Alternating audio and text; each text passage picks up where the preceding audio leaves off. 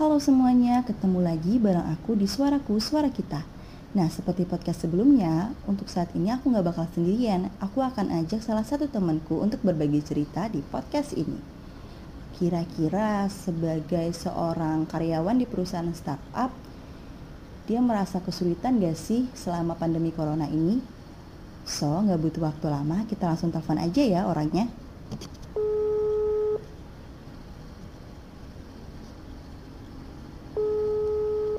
Semoga nggak sibuk ya.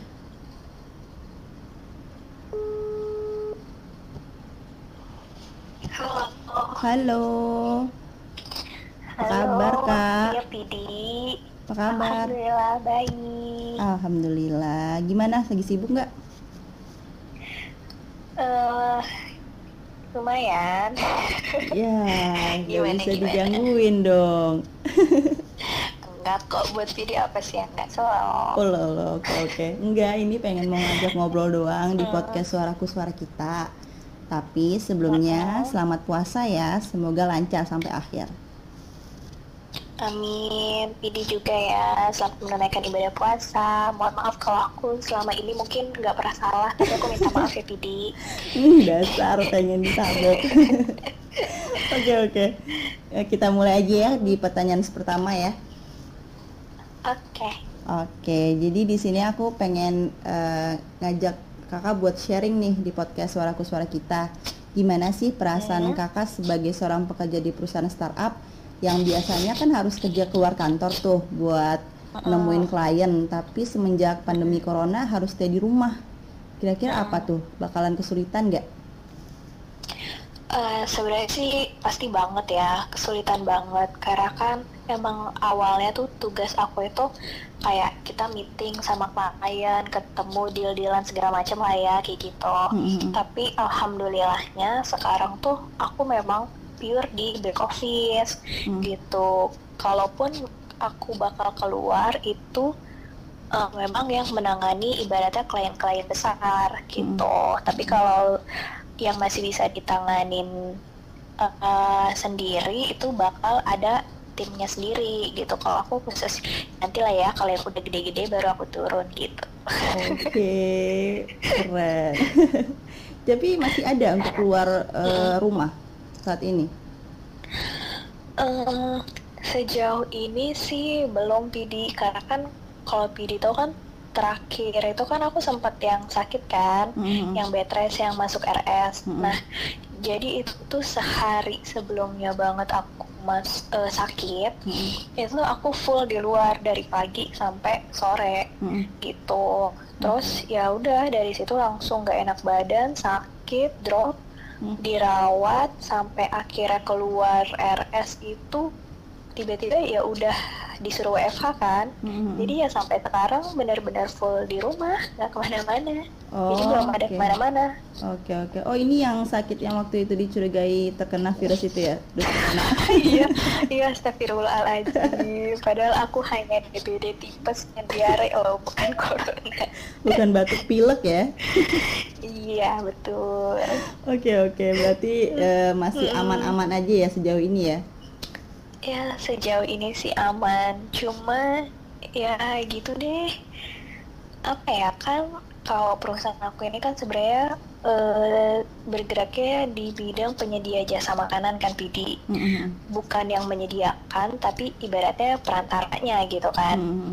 Nah, di saat kayak gini kan kita tahu banyak banget tuh perusahaan-perusahaan yang udah mulai memberlakukan WFH, Hmm. eh, terus juga bahkan banyak yang merumahkan gitu kan. Hmm. Jadi sebenarnya kita termasuk kena imbasnya juga sih, karena otomatis secara nggak langsung kayak servis-servis yang seharusnya kita lakuin jadi ke postpone semua gitu, Hmm. pending, Mm-mm. itu deh ya Hmm. udah jadinya paling ya ada sih beberapa cuman ya tidak seramai dulu ibaratnya gitu Oke oke. Eh tapi eh, aku tuh penasaran ya, soalnya aku sering dengar semenjak WFH ini kerjaannya malah nggak tahu waktu, bisa pagi, bisa malam, kapan pun bos bisa nelfon kita dengan bebas. Kira-kira tuh gimana tuh? Kasian juga nggak? Hmm, bener sih kalau itu benar cuman gimana ya karena aku udah terbiasa kali ya dari awal Mm-hmm. masuk ke perusahaan sini yang tidak mengenal waktu Mm-mm. jadi kayak ya udah lah ya cuman memang dengan WFH ini sih kerjanya makin-makin ya Mm-mm. di satu sisi kita bisa lebih santai gitu karena nggak perlu prepare kayak mandi sarapan berangkat ke Mhm. kantor takut macet segala macem Mm. itu lebih santainya di situ sih cuman kalau untuk kerja ya sama aja gitu terus juga tapi yang alhamdulillahnya sih Mm. eh, punya atasan yang mm, oke mungkin dia akan memberikan kerjaan di waktu di luar jam kerja. Mm. tapi sejauh ini sih ya nggak pernah nelpon atau sampai yang ngedesak banget di luar jam kerja gitu. Karena kan kayak di satu sisi pasti beliau tahu lah ya gimana gitu. Oke, oke balik lagi ke pertanyaan awal. Kan ini pekerjaan kakak sendiri kan harus seperti perantara makanan ya. Tapi kan sekarang Mm-mm. pada stay at home gitu, untuk di Mm-mm. rumah aja. Banyak kantor-kantor yang Mm-mm. diwajibkan untuk kerja di rumah aja. Nah berarti eh, benar-benar nol besar dong untuk pendapatan saat ini perusahaannya. Eh, sebenarnya sih alhamdulillahnya masih ada gitu. Hmm. Jadi kita masih ada satu klien yang memang mereka menggunakan jasa perusahaan kita Hmm. untuk menyediakan makanannya Mm-mm. gitu. Dan Oke. kita pun sekarang yang tadinya eh, B2B kita coba nih eh, ngasah otak gimana caranya tetap ada orderan kan karena kalau B2B nggak mungkin dong perusahaan kan udah pada WFH nih kebanyakan sebenar. Mm-mm. jadi kita mulai coba pelan-pelan kita tawarin ke B2C gitu Mm-mm. ke uh, orang-orang lewat satu satu platform lah gitu tapi ya memang untuk pesanannya tidak bisa per piece juga harus ada minimum order gitu Hmm, Oke oke. Kak coba dijelasin dulu nih kak B2B B2C itu Hmm. apa kak? Gak semuanya ngerti soalnya. Jadi B2B itu kita Oke. menyediakan dari perusahaan ke perusahaan ibaratnya Oke. gitu. Jadi kalau aku ini kan bisnisnya B2B e-food service. Mhm. Jadi memang perusahaan aku perantara dari pihak merchant Mhm. atau restoran Mhm. eh, itu ke perusahaan yang sudah menjadi klien kita. Mhm. Gitu. Itu yang disebut B2B. Mhm. Tapi kalau B2C, jadi ini kita bukan mainnya ke perusahaan, tapi mainnya ke perorangan. Jadi dari si merchant langsung ke perorangan-perorangan gitu. Oke, nah ilmu baru tuh buat para pendengar ya. Siap. Terus kalau misalnya kayak tanggal merah, kira-kira masih tetap digangguin Hmm? nggak? Ya itu PD balik lagi karena dari awal udah terbiasa jadi ya sometimes sih kadang ada, cuman nggak sering gitu. Hmm, tapi pernah nggak sih kayak komunikasi via WA-nya malah kayak nggak sesuai gitu loh? Terkadang kan apa yang ditulis sama apa yang dipikirkan atau yang diucapkan itu kan beda tuh.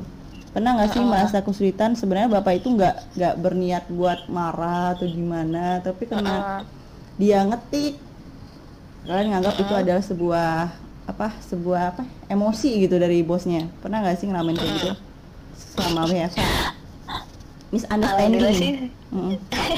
Alhamdulillah sih sejauh ini enggak ya. Mm-mm. Habis gimana ya si bapak tuh kalau kita apa-apa kalau kita ngelakuin kesalahan tuh cuman responnya cuman hmm oke. Iya. Udah gitu dah jadi Iya, ya udah. Jadi paling malah bukan dia yang kesel tapi kita yang kesel. Karena kayak Oke. duh gitu. Kayak duh ini apaan lagi sih? Ngapain lagi sih? Harus apa lagi sih? Aduh ada Iya. aja sih yang harus dikerjain kayak gitu. Iya, tapi ya mau nggak mau ya balik lagi ke bersyukur ya alhamdulillah gitu masih kerja ya. ya di saat kondisi kayak gini ya Hmm. masih ada kerjaan masih ada pemasukan Ya sebenar-benar Betul. banyak yang di PHK juga ya kak ya. Iya sih kasihan jadi banget. ya bersyukur sih Oke oke ya udah dengan kita semuanya Mm-mm. Mm-mm. kita tinggalin masalah keribetan pekerjaan online-nya. Sekarang kita masuk ke pertanyaan Oke. selanjutnya nih. Jadi semenjak pandemi Hmm. ini kira-kira udah ngelakuin apa aja nih? Ada nggak sih sesuatu yang nggak pernah biasanya dilakuin, tapi semenjak di rumah aja ngelakuin itu gitu? Apaan tuh? Kayak masak, bersih-bersih, ada nggak? apa ya paling berjemur doang ya wow sungguh jawabannya sangat indah ya habis apa dong kalau bebersih beres-beres kayaknya udah hal biasa. Waduh keren. Oh oh iya maksudnya pasti ya itu mah udah kerjaan sehari-hari ya? perempuan pertama iya. Terus uh, hal yang lumrah dikerjakan gitu ya. Terus kayak olahraga juga ya biasa kan. Kayak sabtu minggu pasti kita melakukannya. Jadi bukan hal yang sulit. Oke oke oke. Ada yang mungkin hal yang baru. kayak yang lain tuh pada bikin-bikin kue tiba-tiba jadi ini semua kan pada masak-masak kue-kuean gitu ada nggak nyobain Uh, enggak sih. wow, kaum rebahan kamu ya. Karena apa ya? Aku suka bikin kue, cuman ogah-ogahan gitu loh Pidi orangnya. Jadi tuh kayak dan aku kan di rumah tuh uh, maksudnya saudara kan cewek semua kan perempuan semua tiga tiga bertiga nih. Mm -mm. Nah yang doyan masak tuh adik aku. Jadi paling adik aku yang masak adik aku yang buat kue aku bekerja dia yang menyediakan untuk aku. Seperti itu. Oke jadi kayak cuman uh, ini doang ya tinggal makan ya? Iya betul. Okay. horenya aja tim mendoakan supaya tidak gagal. Dasar enak banget jadi kakak ya. Oke oke oke. Gimana dong apa ya? Gitu mager. deh. Ya mager sih. Iya sih salah satunya. Cuman ya itu ya ntar ini mau balik lagi ke topik awal bahas kerjaan. Iya bener. Jadi Yaudah, waktunya next. balik ke kerjaan lagi ya? Iya betul. Nah kira-kira nih semenjak di rumah aja berat masih aman nggak? Berat badan? Ih alhamdulillah aman banget. Serius gila keren salut sih. Nggak paham karena aku uh, selalu setiap pagi menimbang. Wow keren. Maksudnya makanannya ditimbang.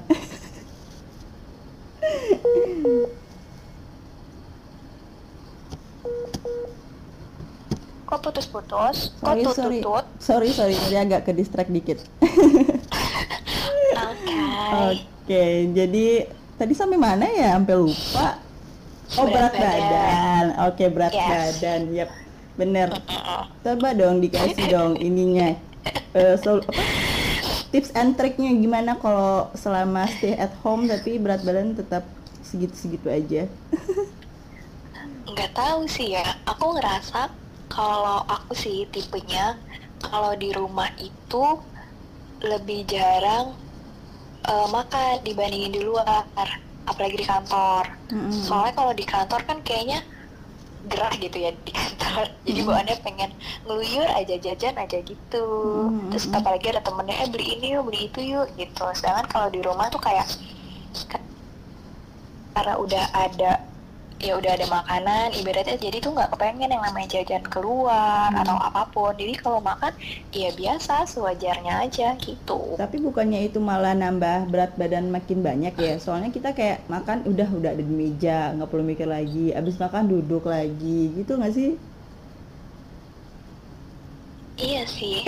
Iya sih sebenarnya. Gimana ya Bidi nggak tahu sih. Ya udah gitu aja. Emang Cuman, lebih ke porsi ya? kalau iya benar terus kalau di rumah tuh kadang males makan males makan tuh kayak sarapan nih pagi udah oke okay, siang lapar kan tuh capek ya hmm. habis muter otak. Terus ya udah siang makan nih tetap makan siang. Hmm. uh, paling malam malam aku jarang banget makan. Kalau emang lagi pengen banget baru makan enggak ya udah. Wah, nggak makan malam dua, doang. dua kali sehari doang makannya ya iya. Paling kalau lapar malam udah minum minum air putih yang banyak terus ngemil-ngemil doang dikit-dikit udah tidur. Ah, gila gila pantesan ya. Nih buat para Gak pendengar ya. iya buat para pendengar semuanya sebenarnya tuh si kakak ini tuh kalau makan porsinya tuh paling banyak. Yang kalau di dilihat dari porsi apa postur tubuh kita tuh gak nggak yakin. Duh pasti nggak habis nih taunya diem-diem bakal habis cuy. Langsung akan kaget sih kalau ngeliat dia pesen makanan. Kayak beneran abis. Bener abis. Iya, karena aku tuh orangnya penyayang makanan. Kalau udah dipes harus habis, kasihan. ya ampun itu alasan macam apa? Untung badannya begitu-begitu doang. Kalau sampai gendut kan stres kayak kayak Iya. kita nih yang makan dikit gendut. Aduh ampun deh. Aku juga tahu kayak gitu makan dikit gendut. apa yang gendut? jari jemarinya? Kenapa sih orang tuh selalu bilang enggak enggak gendut, aku tuh gendut, sumpah. apanya yang gendut kak? Nggak kelihatan banget. Aduh. Udah deh kita mulai ya. kita mulai masuk ke pembahasan wanita nih. Pembahasan sensitif ya. Berat badan oke oke oke. sip. Jadi gimana nih kita langsung ke pertanyaan akhir. Harapan untuk si pandemi corona sendiri apa tuh?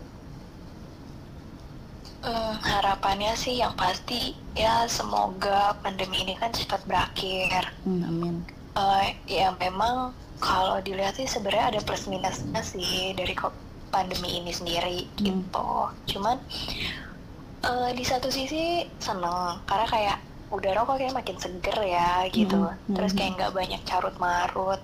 Hmm, Terus kayak orang-orang tuh lebih aware dengan kebersihan terutama kan. yes benar Cuman saking terlalu awarenya kayaknya terlalu sensitif gitu. Ada orang, ber- orang bersin dikit aja. "Eh, Ih corona ya lu, ngeri gitu.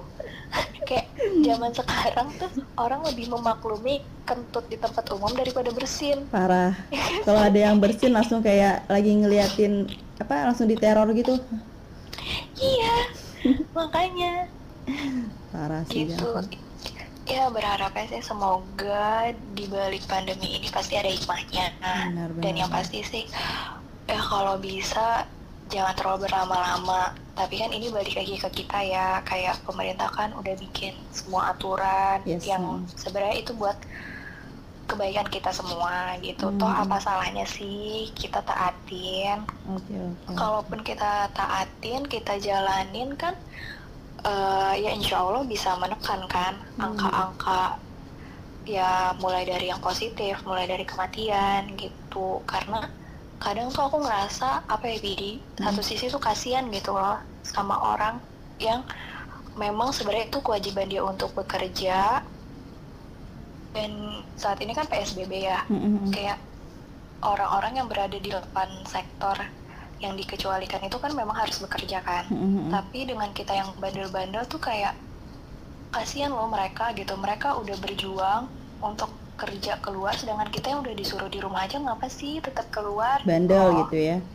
Mm-mm. Iya sih emang sih. Makanya eh, aku kalau misal dilihat dari status Instagram yang suka emosi ngeliat orang-orang yang pada egois yang ngerasa dirinya paling menderita dengan kebosanan nggak mikir pada garda terdepan ya yang udah iya betul. ngisihin waktunya buat ngerawat orang-orang nggak mikir gitu.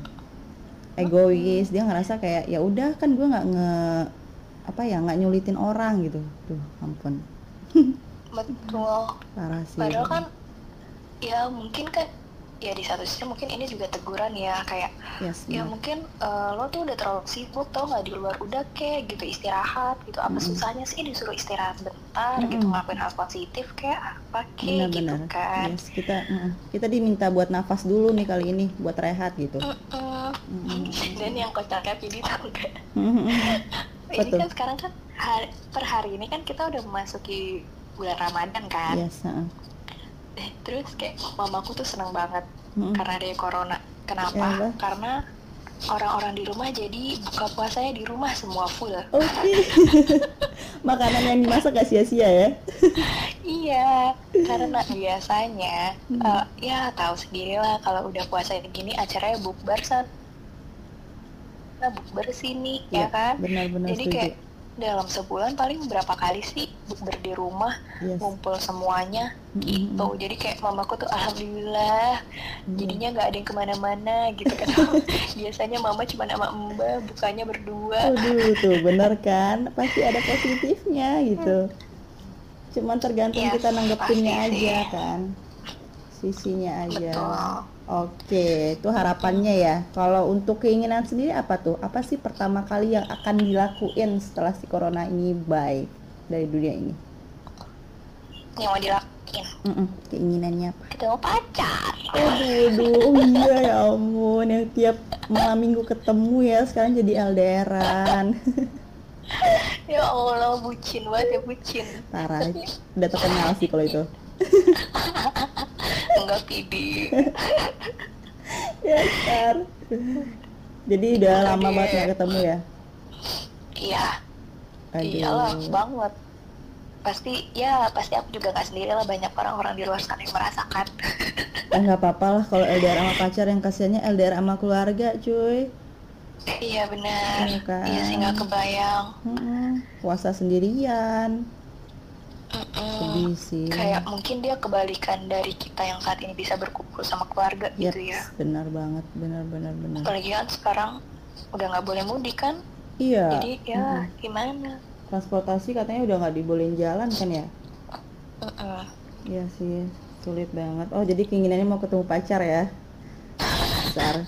Dekau. banget ya keinginannya.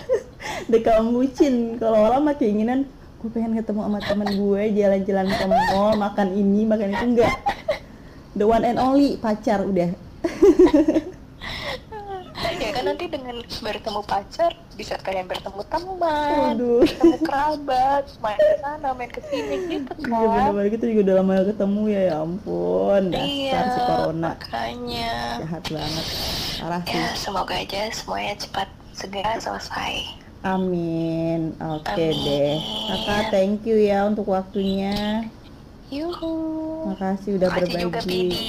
uhu jadi teman Iya. ngobrol hari ini ya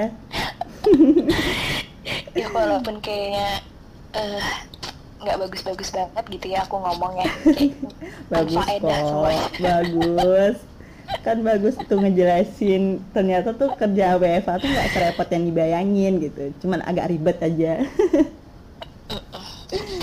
Oke sip thank you ya kak selamat menunggu Iya. berbuka Sama-sama Pidi, Oke. Pidi juga. Selamat menunaikan ibadah puasa. asik oke thank you assalamualaikum Dadah, waalaikumsalam. Wah. Pidi, you. See you. Nah guys, seru banget gak sih podcast kali ini? Banyak banget yang dari ngomongin pandemi corona sampai aktivitas di rumah. Nah, kayaknya cukup segini aja deh podcastnya. Besok kita akan lanjutin lagi dengan orang yang berbeda. So, don't forget to share to your other friends dan semoga ada hal baik yang bisa kamu terima dari podcast hari ini. Kalau ada yang buruk seperti biasa, silahkan kasih ke mantan. so bye. Di rumah. Nah, kayaknya cukup segini aja deh podcastnya. Besok kita akan lanjutin lagi dengan orang yang berbeda. So, don't forget to share to your other friends dan